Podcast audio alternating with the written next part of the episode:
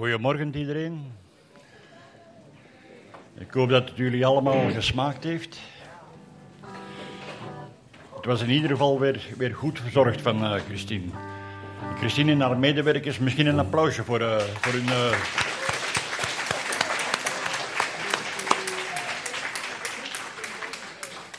Welkom in Gods familie van de Evangelische Kerk de Pottenbakker. Vandaag is het paaszondag, de dag van de verrezen Heer. En ik wil met u lezen in Matthäus 28, van vers 1 tot en met 6. Laat na de Sabbat, toen het licht begon te worden op de eerste dag van de week, kwamen Maria Magdalena en de andere Maria om naar het graf te kijken. En zie, er vond een grote aardbeving plaats, want een engel van de Heere, die uit de hemel neerdaalde, ging erheen, rolde de steen van de opening weg en ging erop zitten. Zijn gedaante was als een bliksem en zijn kleding wit als sneeuw. De bewakers beefden van angst voor hem en werden als doden. Maar de engel antwoordde en zei tegen de vrouwen: U hoeft niet bevreesd te zijn, want ik weet dat u Jezus zoekt, die gekruisigd was. Hij is hier niet, want hij is opgewekt, zoals hij gezegd heeft. Hij is opgewekt. Eigenlijk blijven we deze dag van opwekking nog vieren tot en met hemelvaart. Eigenlijk blijven we deze dag vieren voor de rest van ons leven. Want Jezus heeft de dood overwonnen. Hij leeft. Als alles met de dood zou zijn geëindigd, zouden we in Jezus alleen maar een voorbeeld hebben gezien van een wijs man met een ondenkbare toewijding en liefde voor zijn medemens. Dat zou in ons geen geloof hebben opgewekt. Aannemen dat Christus aan het kruis gestorven is, is geen daad van geloof maar een historisch bewezen feit. Geloven dat hij verrezen is, is echter wel een daad van geloof. Het is de bron, het fundament van ons geloof. Geloof in de zekerheid van eeuwig leven voor ieder die in hem gelooft. Laten we dienst open met, gebed. Hemelse Vader, ons hart moet overlopen van dankbaarheid. Als we denken aan wat uw zoon voor ons volbracht heeft. Geen enkele blijk van dankbaarheid is groot genoeg om duiding te geven aan die toffer. In alle nederigheid en ontzag willen wij vandaag voor uw troon van genade komen. Vader, zegen deze dienst in woord en zang. Dat vraag ik u in Jezus' naam. Amen. Lied 169. Ik leef omdat mijn Heer is verrezen. Laten we recht staan.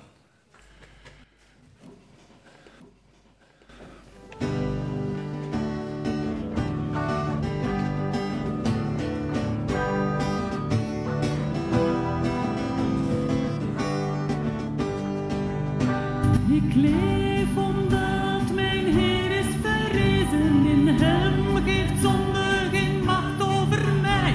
Ik leef, ja leef, want hij is verrezen. Ik leef en heeft de Heer aan hem. Ik leef omdat mijn Heer is verrezen. In hem geeft zonde geen macht over mij. Ik leef, ja leef, want hij is verrezen. Ik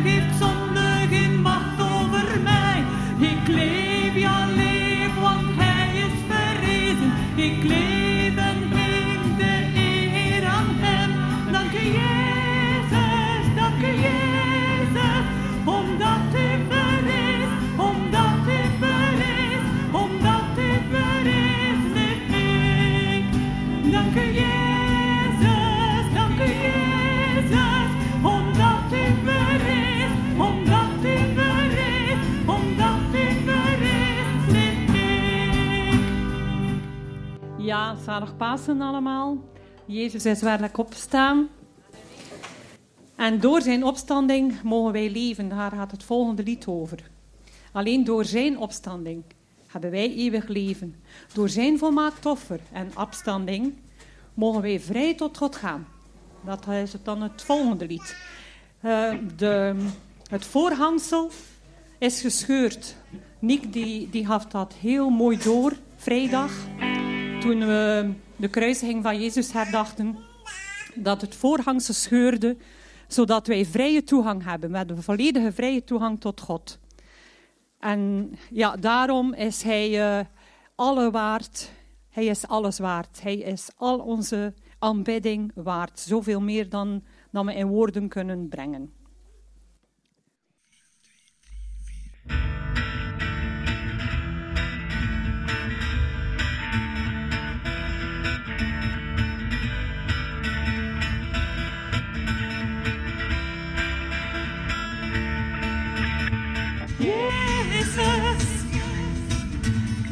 Vieren dat u overwon. Jezus, uw liefde maakt ons blij. Jezus,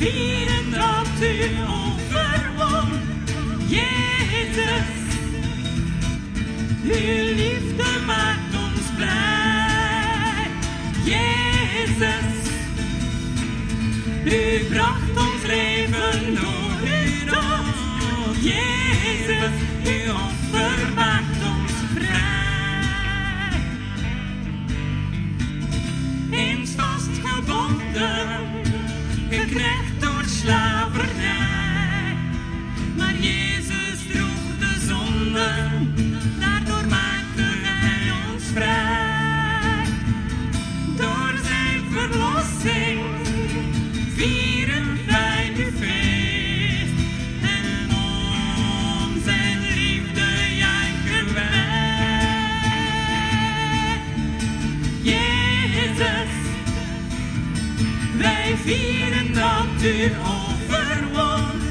Jezus, uw liefde maakt ons blij. Jezus, u bracht ons leven door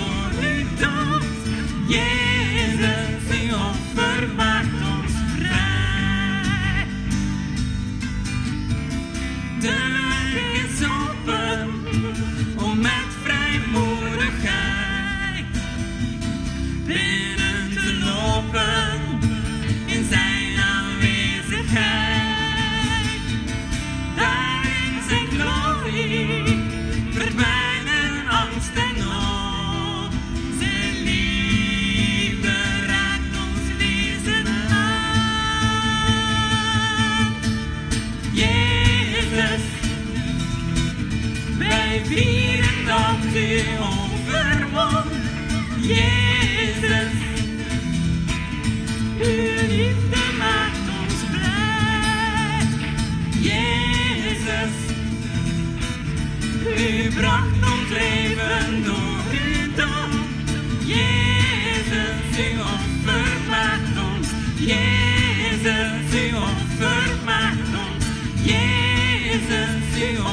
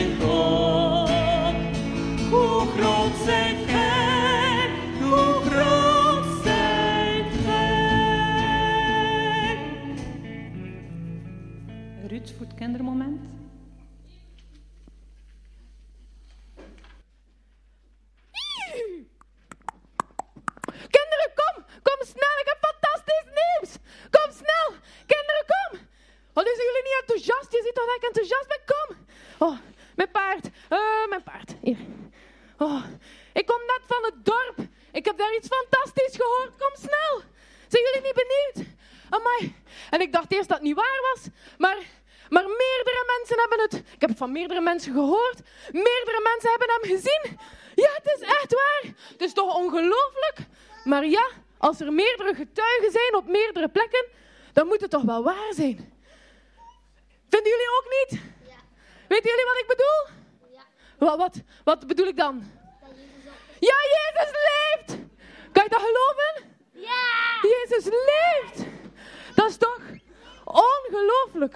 Het is echt... Dus ik was in op de markt met mijn paard eh, eten gaan kopen en ik hoorde dat Maria onderweg was naar het graf na Sabbat om ja, verder te doen met de rituelen die we hebben. Hè?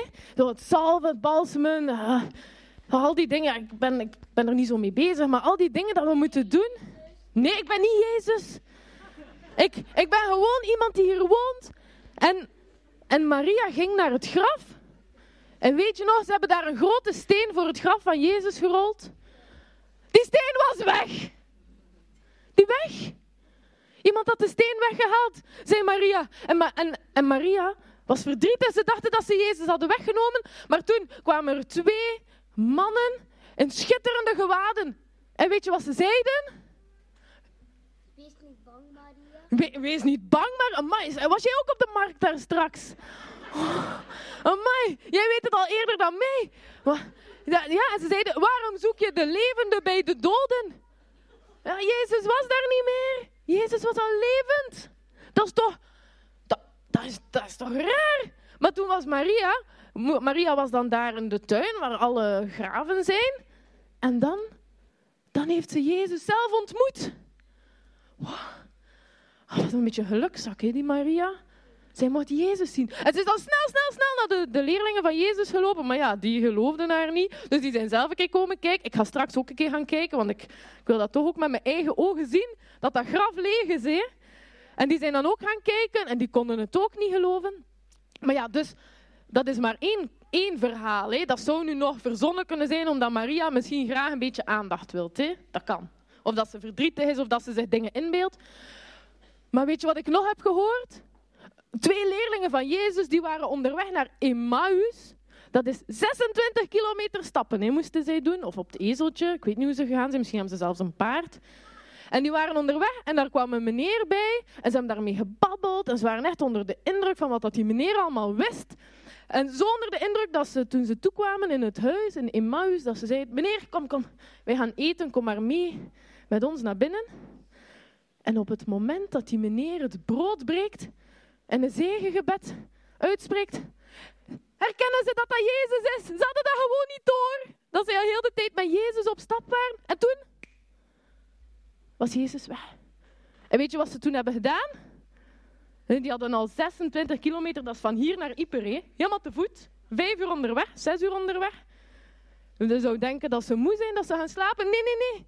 Direct, helemaal terug. Helemaal terug naar Jeruzalem.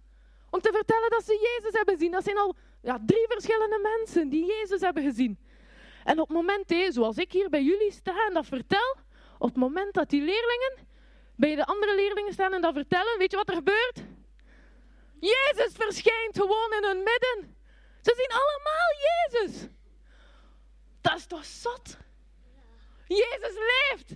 Ik moet snel gaan kijken of dat, dat, of dat, dat graf echt leeg is. Ik wil Jezus ook zien. Ja. Oh, dat is zo. Oh, ik hoop dat Jezus ook aan mij gaat verschijnen. Ik wil hem ook zien. Maar ik ben zo gelukkig, hè? Gaan we daar naartoe? Maar ik wil jullie eerst een liedje leren, want onderweg naar hier, hè, toen ik jullie dat wou vertellen, dan... Ik heb wel de jij moet zwegen, het is mijn verhaal. Ja, dus ik was onderweg naar hier en ik heb een liedje bedacht in mijn hoofd over hoe gelukkig dat ik ben. Dat Jezus is gestorven en terug is opgestaan. En ik wil dat met jullie zingen. Maar ik denk eigenlijk dat jullie dat ook al kennen. Zo, ik ben zo gelukkig, hoort jij gelukkig? Ja, dus wij gaan dat samen zingen. Maar wacht, wacht. We moeten dat in groepjes verdelen. Ehm, wie is er hier allemaal jonger dan 45 jaar? Steek ik in je hand op. Ja, oké. Jullie mogen met mij meezingen.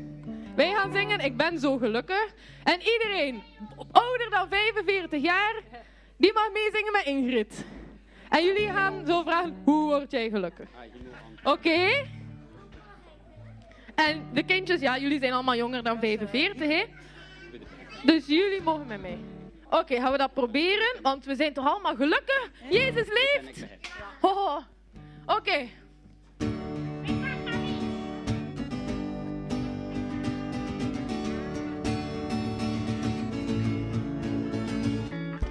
Ben zo gelukkig, Hoe word jij gelukkig? ben zo gelukkig,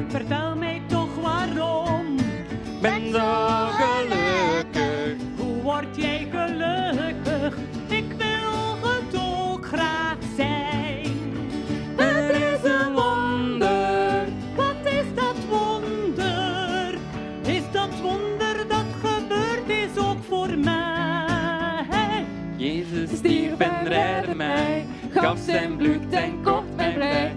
Dus kan ik gelukkig zijn. Ik ben zo gelukkig, Hoe word jij gelukkig? ik ben zo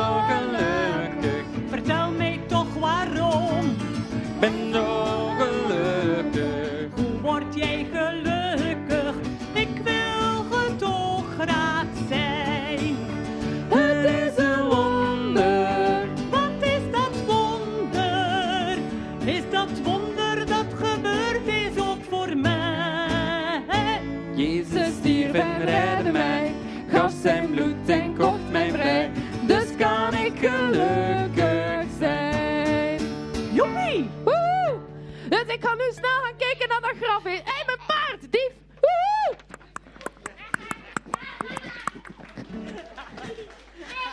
De grote kindjes mogen mee met kindjes. Vol enthousiasme. Kindjes, jullie mogen naar de zondagschool. giving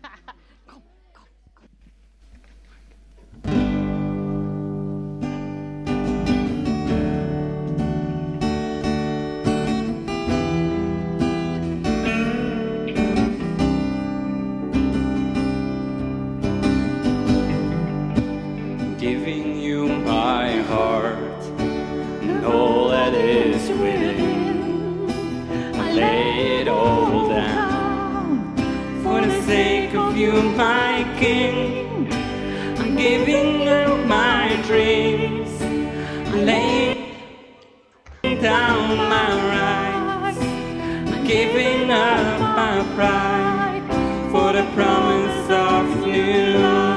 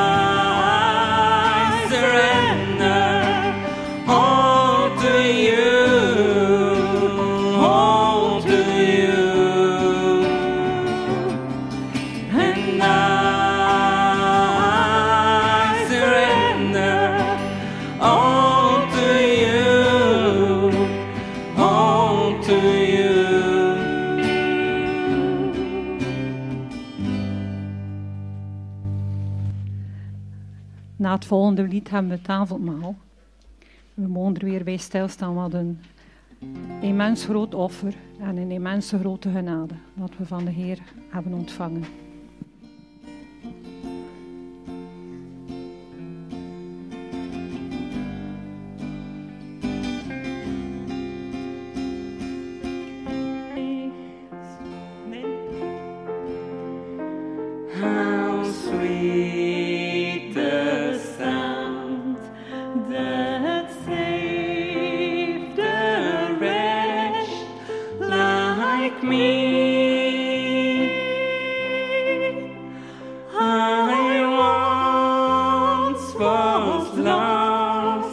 back.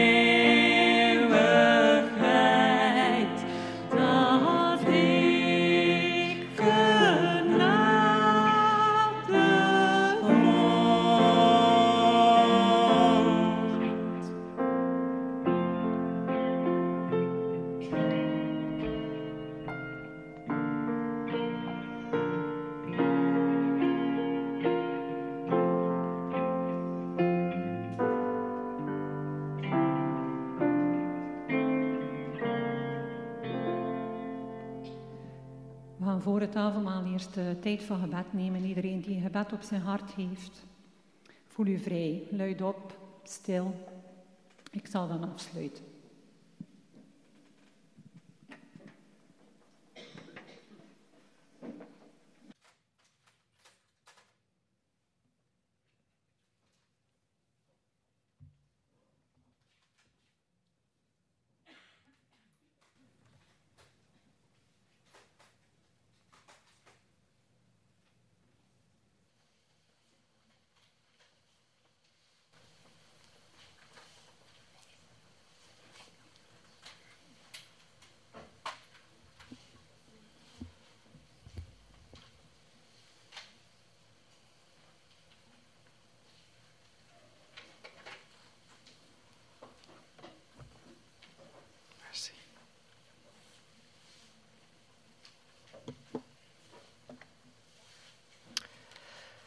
Zalig Pasen allemaal. Het is inderdaad een bijzondere dag vandaag. We zijn aan het einde gekomen van 40 dagen van vasten. De bedoeling van die 40 dagen voor christenen is om ons voor te berei- bereiden op deze bijzondere dag, op Pasen. Een dag waarin wij kunnen dan ontvangen wat God ons geeft. En daarover wil ik het hebben deze morgen, want ik weet niet of dat jullie zo zijn, maar voor mij, ik heb altijd Goede Vrijdag gemakkelijk kunnen begrijpen. Ik begrijp de betekenis van Goede Vrijdag. Het is een offer. Jezus sterft aan het kruis voor mijn zonden. Ergens, dat lijkt mij logisch. Maar Pasen, de opstanding, daar heb ik soms meer moeilijk mee. Niet zozeer is het gebeurd of niet, maar wat is de betekenis? Wat als Jezus gewoon direct naar de hemel ging, zonder zich eh, te laten verschijnen, zonder dat hij nog heeft zich laten verschijnen? Wat, waarom moest dat gebeuren? En daarvoor over wil ik het hebben deze dag. En ik wil het hebben vanuit de oogpunt van één persoon in bijzonder, dat van Maria Magdalena. Haar paasverhaal. We gaan het hebben over het paasverhaal van Maria Magdalena. Maar wie was Maria Magdalena? Wel, in Lucas hoofdstuk 8, vers 2 lezen we dat Jezus had zeven demonen uitgedreven uit Maria. Dus zij was duidelijk iemand die gered was door Jezus. Persoonlijk gered. Haar leven was totaal veranderd omwille van Jezus. En ik weet niet of dat jullie al de Chosen hebben bekeken, maar er is een, scène uit de Chosen waarin dat er een priester eh, probeert de demonen uit te drijven uit Maria, maar het lukt hem niet. Maar Jezus heeft wel kunnen eh, haar bevrijden. Dus ze was persoonlijk aangeraken.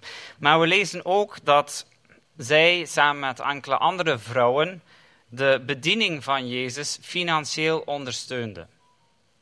Jezus zijn bediening, ehm, het geld dat ze nodig hadden om te eten, om rond te reizen, dat werd mede gefinancierd, gesponsord door Maria Magdalena. En ook enkele andere hoogstaande vrouwen. Dus misschien was ze een rijkere dame. We lezen ook dat ze aanwezig was op de kruisiging van Jezus. Zij is met Jezus tot het einde gegaan. Zij heeft niet weggelopen.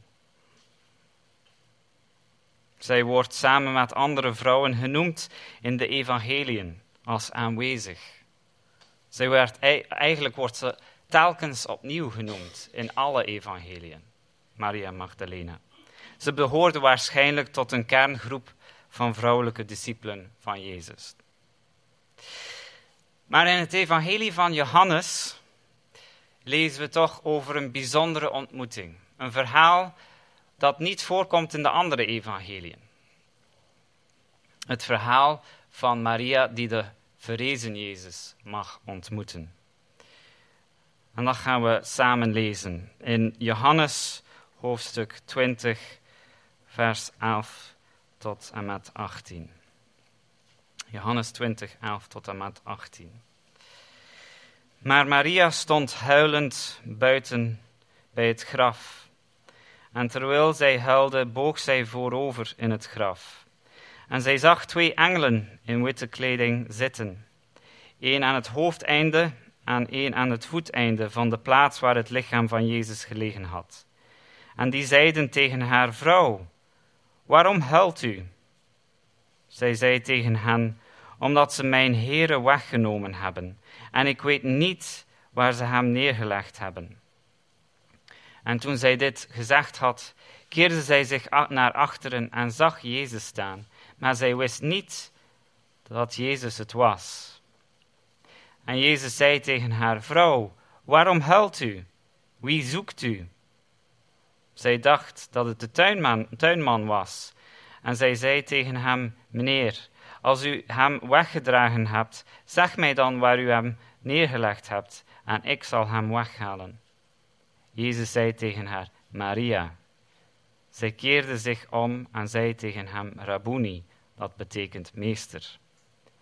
Jezus zei tegen haar: Houd mij niet vast, want ik ben nog niet opgevaren naar mijn vader. Maar ga naar mijn broeders en zeg tegen hen: Ik vaar op naar mijn vader en uw vader, en naar mijn God en uw God. Maria Magdalena ging en berichtte de discipelen dat zij de Heere gezien had en dat hij dit tegen haar gezegd had.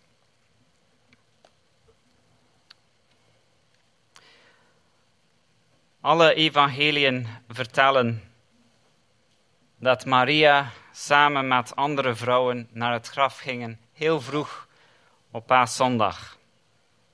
En Ruud heeft het al zo mooi uitgebeeld. Ze gingen allemaal naar het graf, al de vrouwen om het lichaam, zoals Ruud ook zei, verder voor te bereiden voor de begrafenis. Okay, het is een beetje anders nu voor in onze cultuur, maar toen uh, dat mocht niet gebeuren tijdens de sabbat. Dus zodra dat de sabbat gedaan was, gingen de vrouwen om het werk af te uh, werken. Het lichaam was nog niet volledig voorbereid voor de begrafenis. Ze dus hadden nog hun specerijen, balsem enzovoort om het lichaam voor te bereiden. Vroeg na de sabbat. Dus ze wouden dat afwerken. En je moet je inbeelden, ze hebben net voor de sabbat begon Jezus zien sterven. De man die ze jaren hadden gevolgd, die ze zo graag zagen, zien sterven. Dus ze wilden het lichaam van Jezus nog met respect volgens de wet begraven. Een laatste uh, erebetoon aan Jezus. Maar, wat gebeurt er als ze toekomen? De steen is weggerold, het graf is leeg. Wat gaat er allemaal door hun gedachten? Wat is er gebeurd? Wie heeft dat gedaan? Waar is het lichaam? Ik denk eerlijk gezegd dat opstanding niet direct in hun gedachten kwam. En dus lopen ze terug naar het stad, terug naar Jeruzalem om de discipelen te gaan verwittigen. En Petrus en misschien Johannes, we weten het niet, lopen naar het graf om te zien, ja, is het nu waar wat de vrouwen zeggen? Misschien ging Maria terug mee met hen. Waarschijnlijk omdat we lezen dat ze toch opnieuw aan het graf stond. En ze zegt, kijk, kijk, het is zo. Ik heb niet, je moet mij geloven, ik, heb niet, ik zit niet blaasjeswijs te maken, het is, het is echt gebeurd. Jezus, zijn lichaam is weg. En zij bevestigen het. Er is een lege graf, behalve de doeken waarin het lichaam werd ingewikkeld. De doeken zijn er, maar het lichaam is weg. Vreemd. Dus iemand heeft die doeken eraf genomen, ook vreemd. Ze begrijpen er niks van waarschijnlijk. Petrus en Johannes gaan opnieuw weg. En Maria blijft achter. Maria blijft achter. En we lezen dan, ze stond huilend buiten het graf. Huilend buiten het graf. Waarom is ze aan het huilen? Waarschijnlijk omdat ze dacht het lichaam was gestolen. Iemand heeft dat lichaam weggenomen. Dus niet alleen is ze aan het huilen omwille van het verlies van Jezus op Goede Vrijdag, de dood van Jezus, maar nu heeft iemand ook nog de, ja, de schande, de schaamte om dat lichaam te mishandelen. Een dode lichaam mag je niet zomaar opnieuw wegpakken. Dus dat is extra pijn, extra toegevoegd leed voor Maria. Dus ze huilt. Wat is er? Wie heeft hem weggenomen? Ze probeert het lichaam terug te vinden. Ze denkt dat Jezus de tuinman is. Als u weet waar het lichaam is, ik zal het gaan halen. Zeg mij gewoon, ik wil dat lichaam in ere um, terug in het graf leggen. En dan, dan gebeurt het. En dan gaan we het opnieuw een keer lezen. Hè. Jezus zei tegen haar, vers 15: Vrouw, waarom huilt u? Wie zoekt u? Ze is duidelijk aan het denken, zoeken naar het lichaam van Jezus. Wie zoekt u? Zij dacht dat het de tuinman was en zei tegen hem: Meneer, als u hem weggedragen hebt, zeg mij dan waar u hem neergelegd hebt en ik zal hem weghalen. Jezus zei tegen haar: Maria. Zij keerde zich om en zei tegen hem: Rabuni, dat betekent meester.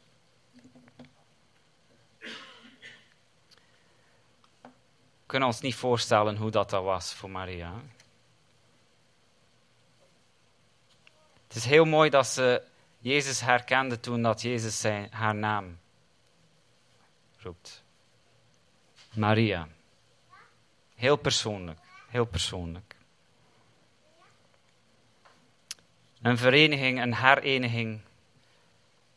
De man die ze dacht dat ze kwijt was voor altijd, staat nu plots voor haar.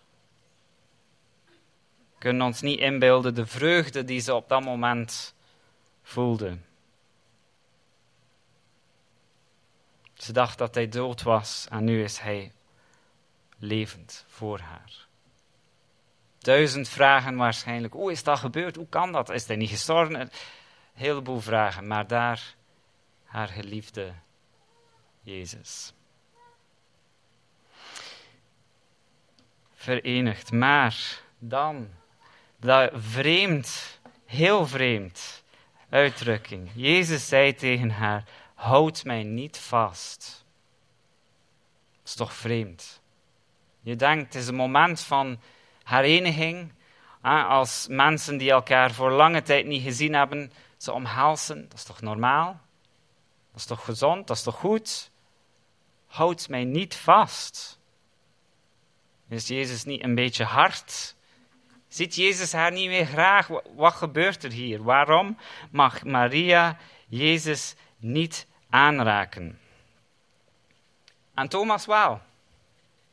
Want een beetje verder in Johannes lees je dat Thomas, die niet gelooft of niet wil geloven dat Jezus opgestaan is, zegt: Ik ga het alleen geloven als ik hem mag aanraken. Als ik mag de, de wonden in zijn lichaam zien en aanraken. En dus komt Jezus, de vrezen Heer, en zegt: Thomas, raak mij aan. Dus waarom Thomas wel en Maria niet? Het is toch vreemd? Ik denk het heeft met de vertaling een stukje te maken. Houd mij niet vast is een beetje onduidelijk, alsof dat Maria niet mocht aanraken. Maar een betere vertaling zou zijn: klamp niet vast aan mij. Blijf niet vasthouden aan mij. Klamp niet vast aan mij. Maria wou Jezus niet loslaten. Maria had het gedachte dat dingen kunnen nu zijn zoals ze vroeger waren. Zij wou dat alles terugging zoals voor Jezus zijn dood en opstanding. Ze dacht, ah, hij is nu terug, nu kan het terug zijn zoals het vroeger was. Ze wou de klok terugdraaien. Ze wou hem niet opnieuw verliezen. En dus klampte ze zich vast aan hem. Maar Maria moest inzien dat Jezus niet hetzelfde was als vroeger. Dat er degelijk iets is gebeurd tijdens de dood en opstanding. Dat Jezus niet dezelfde persoon is zoals vroeger. Dat de dingen niet kunnen teruggaan zoals het vroeger was. Er is veel veranderd. Jezus is veranderd. En hij wil dat Maria ook mee verandert. En mee is in het verhaal. Dus wat was er dat zo anders was dan vroeger, dan voor de dood en opstanding? Wel, de Bijbel herhaalt het en zegt het op deze manier: dat Jezus nu aan de rechterhand van God de Vader is. En ik ga enkele teksten voorlezen uh, waarin dat dit duidelijk staat. De eerste tekst is uit Hebreeënbrief.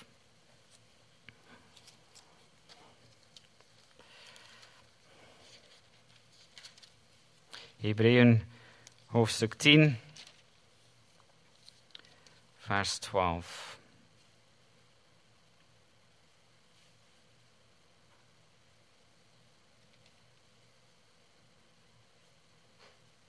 En het is hier over Jezus. Maar deze priester is, nadat hij een slachtoffer voor de zonden geofferd had, tot in eeuwigheid gezeten aan de rechterhand van God. Dus Jezus, slachtoffer voor de zonde, het lam dat werd geslacht op Goede Vrijdag, dan gezeten tot in eeuwigheid aan de rechterhand van God. Dat is in Hebreeën en dan ook in 1 Petrus 3, vers 18 tot en met 22. Want ook Christus heeft eenmaal voor de zonden geleden. Hij die rechtvaardig was voor onrechtvaardigen, opdat hij ons tot God zou brengen. Hij is wel ter dood gebracht in het vlees, maar levend gemaakt door de geest. Door, wij, door wie hij ook, toen hij heen ging, aan de geesten in de gevangenis gepredikt heeft. Namelijk aan hen die voorheen ongehoorzaam waren, toen God in zijn geduld nog eenmaal wachtte in de dagen van Noach, terwijl de ark gebouwd werd, waarin weinigen dat is acht mensen, behouden werden door het water heen. Tegenbeeld daarvan, de doop, behoudt nu ook ons. Maar niet als een verwijderen van het vuil van het lichaam, maar als vraag aan God van een goed geweten door de opstanding van Jezus Christus, die, en nu komt het, aan de rechterhand van God is, opgevaren naar de hemel, terwijl de engelen, machten en krachten hem onderworpen zijn.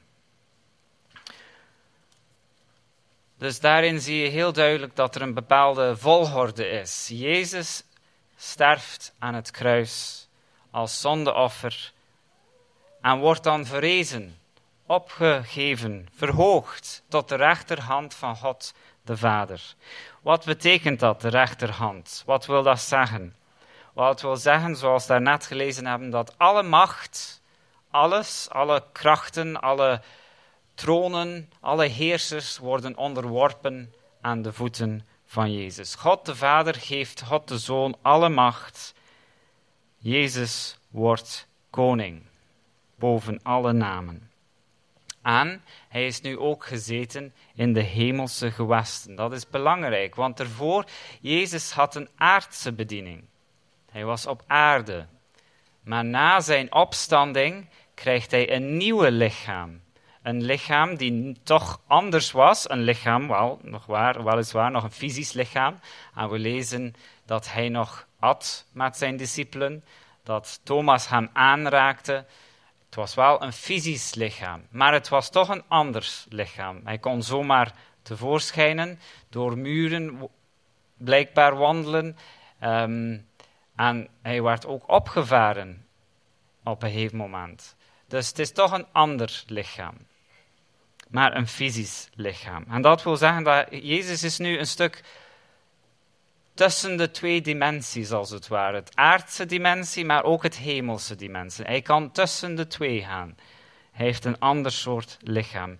Zijn bediening op aarde is ten einde gekomen. Hij heeft een nieuw lichaam. Ik wil een, uh, een, verhaal vertellen uh, ter illustratie. Er waren twee jongens die samen opgroeiden op een boerderij op het platteland. Ze waren beste vrienden. Ze speelden continu samen, ieder moment dat ze hadden. Ze gingen naar dezelfde school. Ze waren buren. Um, ze kwamen heel goed overeen. Ze waren onafscheidelijk. Op een dag werd een van de twee geroepen om naar de stad te gaan, terwijl de ander thuis moest blijven. En ze wisten niet echt waarom, er werd niks gezegd. De ene die achterbleef vond dat vreemd, jammer. De ander moest gaan naar de stad. Maar een paar dagen later kreeg die ene die moest blijven een uitnodiging in de brievenbus. Een uitnodiging voor de kroning van het nieuwe koning in de paleis, in het stad. En hij mag komen. Hij is uitgenodigd, persoonlijke uitnodiging voelt zich vereerd. Ook een beetje vreemd, want het is denk niet, dat niet zo belangrijk. Waarom zou ik voor een kroning uitgenodigd worden? Dus hij doet zijn beste kledij en hij gaat naar het stad. En daar neemt hij zijn plaats in een grote zaal vol pracht, vol belangrijke mensen. En wie zag hij daar op de troon de kroon ontvangen? Maar zijn goede vriend. En de nieuwe koning roept hem om naar voren te komen en begint te praten met hem. Zo is het een beetje te vergelijken met Maria en Jezus. Maria wou dat het terugging naar vroeger, toen dat ze speelde op het platteland, buiten, goede vrienden. Maar nee, Jezus is nu koning geworden. Jezus is koning geworden. Hij is hetzelfde, maar het is toch anders.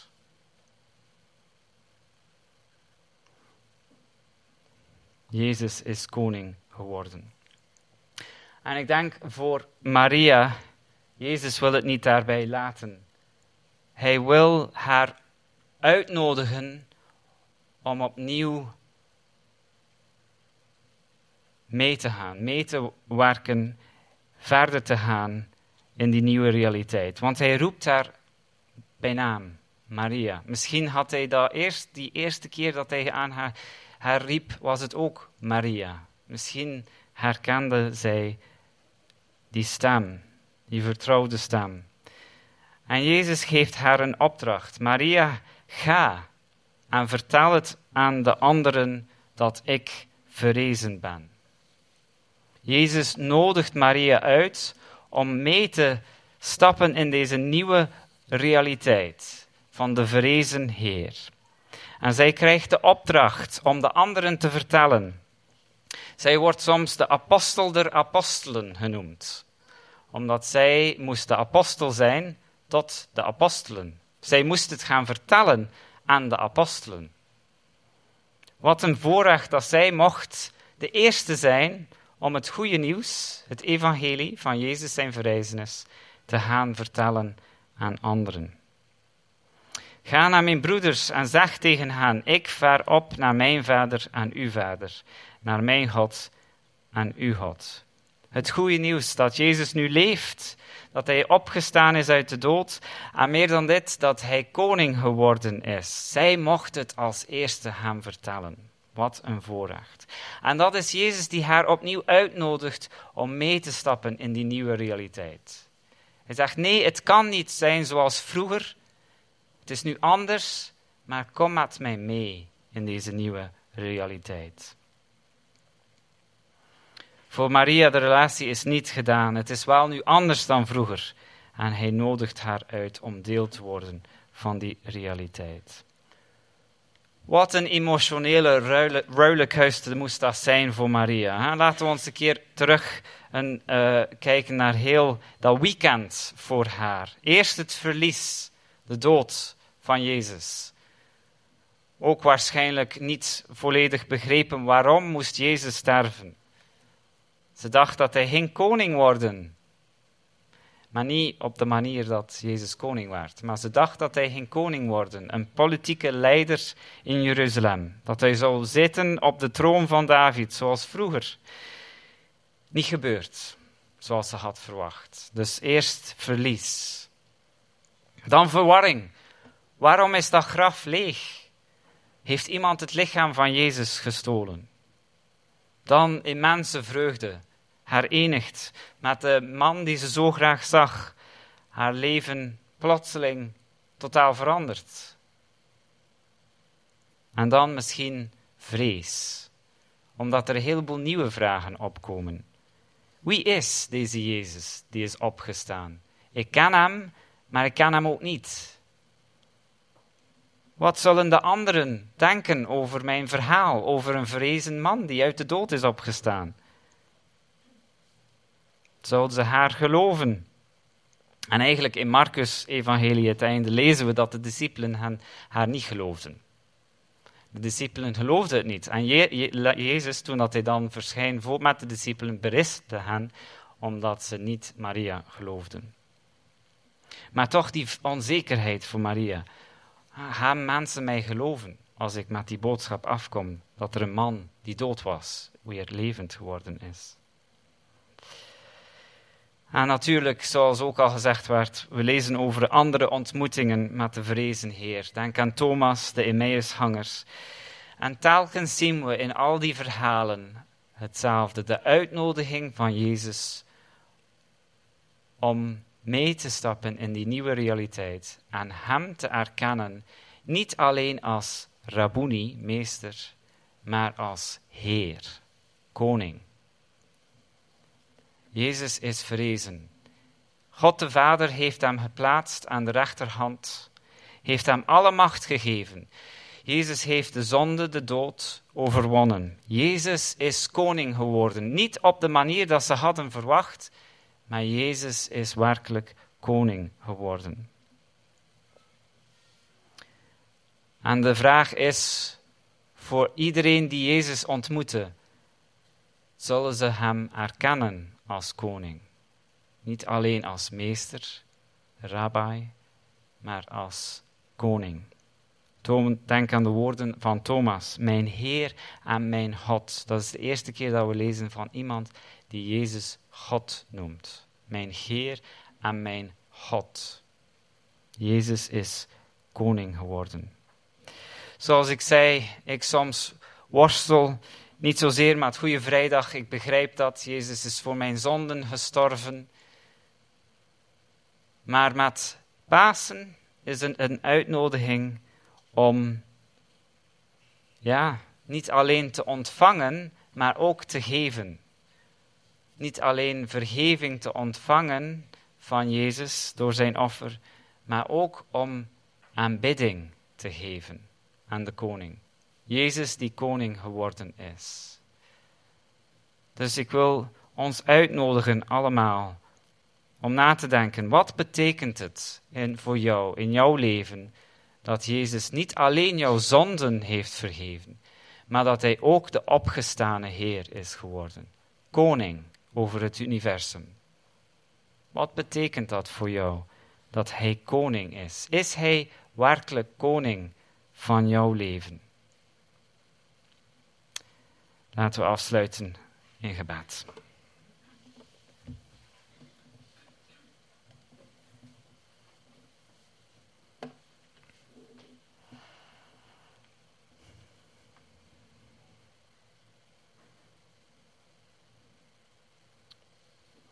Heer Jezus, u bent inderdaad opgestaan uit de dood. En dat vieren we en willen we ook erkennen en vieren deze dag met Pasen. En als we terugdenken aan die verhalen van ontmoetingen, dan denk ik ook aan ons eigen ontmoeting met u. Want u roept ons ook bij ons naam. Om u te erkennen niet alleen als het lam, maar ook de leeuw, die de koning geworden is. Heer, en misschien is het soms gemakkelijker om te ontvangen, de vergeving te ontvangen op Goede Vrijdag, te weten dat onze zonden vergeven zijn. Maar is het soms moeilijker om u ook de aanbidding te geven? En te erkennen dat u werkelijk Heer bent, koning bent over, het, over de schepping, over alles, alle machten en ook over ieder van ons. Help ons om na te denken wat het betekent dat u koning bent van ons leven. Om iedere dag ons te richten op u. En zoals u ook Maria uitnodigde om mee te stappen in deze nieuwe realiteit van uw koningschap, nodigt u ieder van ons om iedere dag telkens opnieuw u koning te maken in ons leven. Help ons om dat te doen door uw geest. Amen.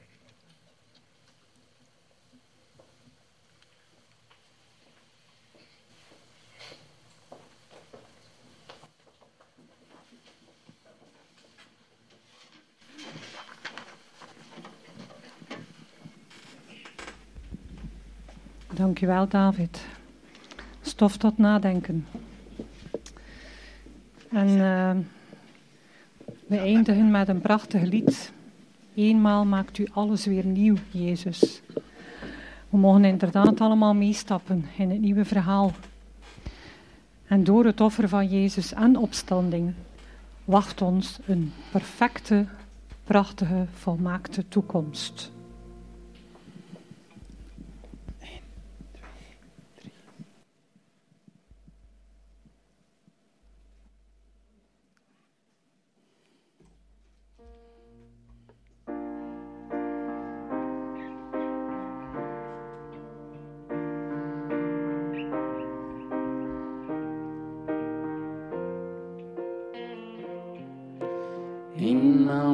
u alles weer nieuw. Jezus, eenmaal heelt u iedere wond. Heel de oude wereld verdwijnt, de pijn voorbij.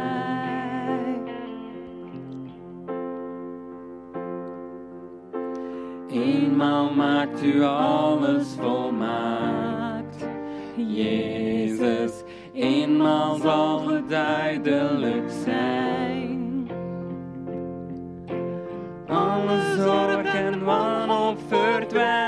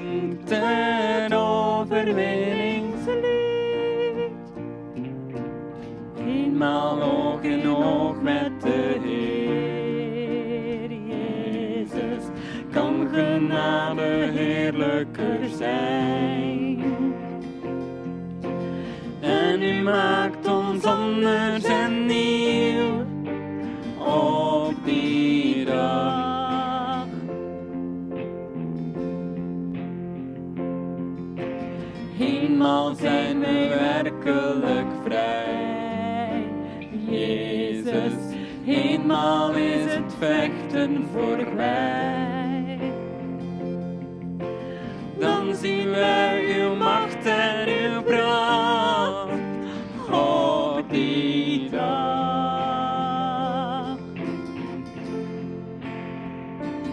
Op die dag.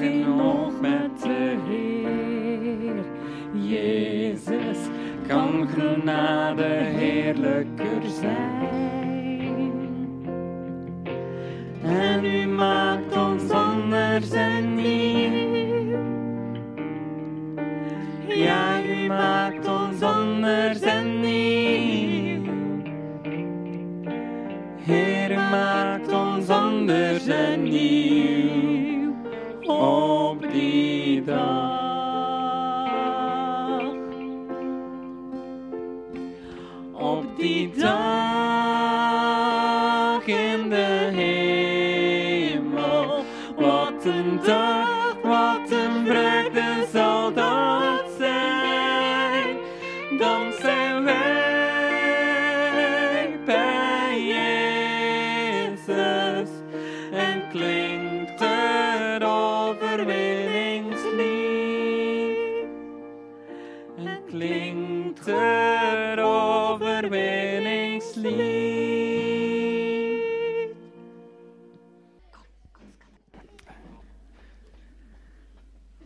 door het offer van, van de Heer Jezus en door zijn opstanding zijn we door Hem en met Hem meer dan overwinnaars.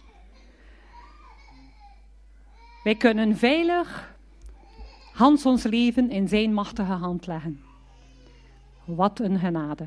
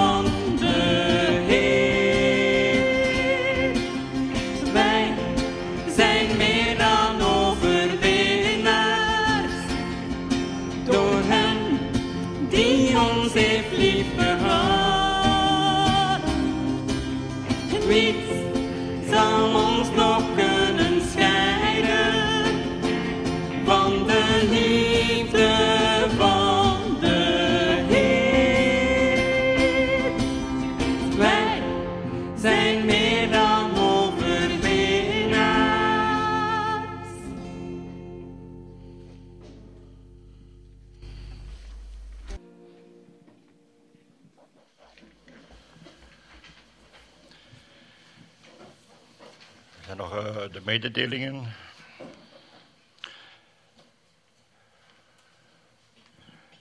Morgen bidstond, klopt dat? Ik weet niet wat het klopt, ja? Morgenavond? Ja? Om 19.30 uur. op 23 april is er getuigenissendienst. Als u iets op het hart hebt dat u graag wilt doorgeven, geef het door aan, aan Nick. Misschien voor de nieuwe mensen. Je misschien eens even recht. Dat kan iedereen zien wie dat je zei.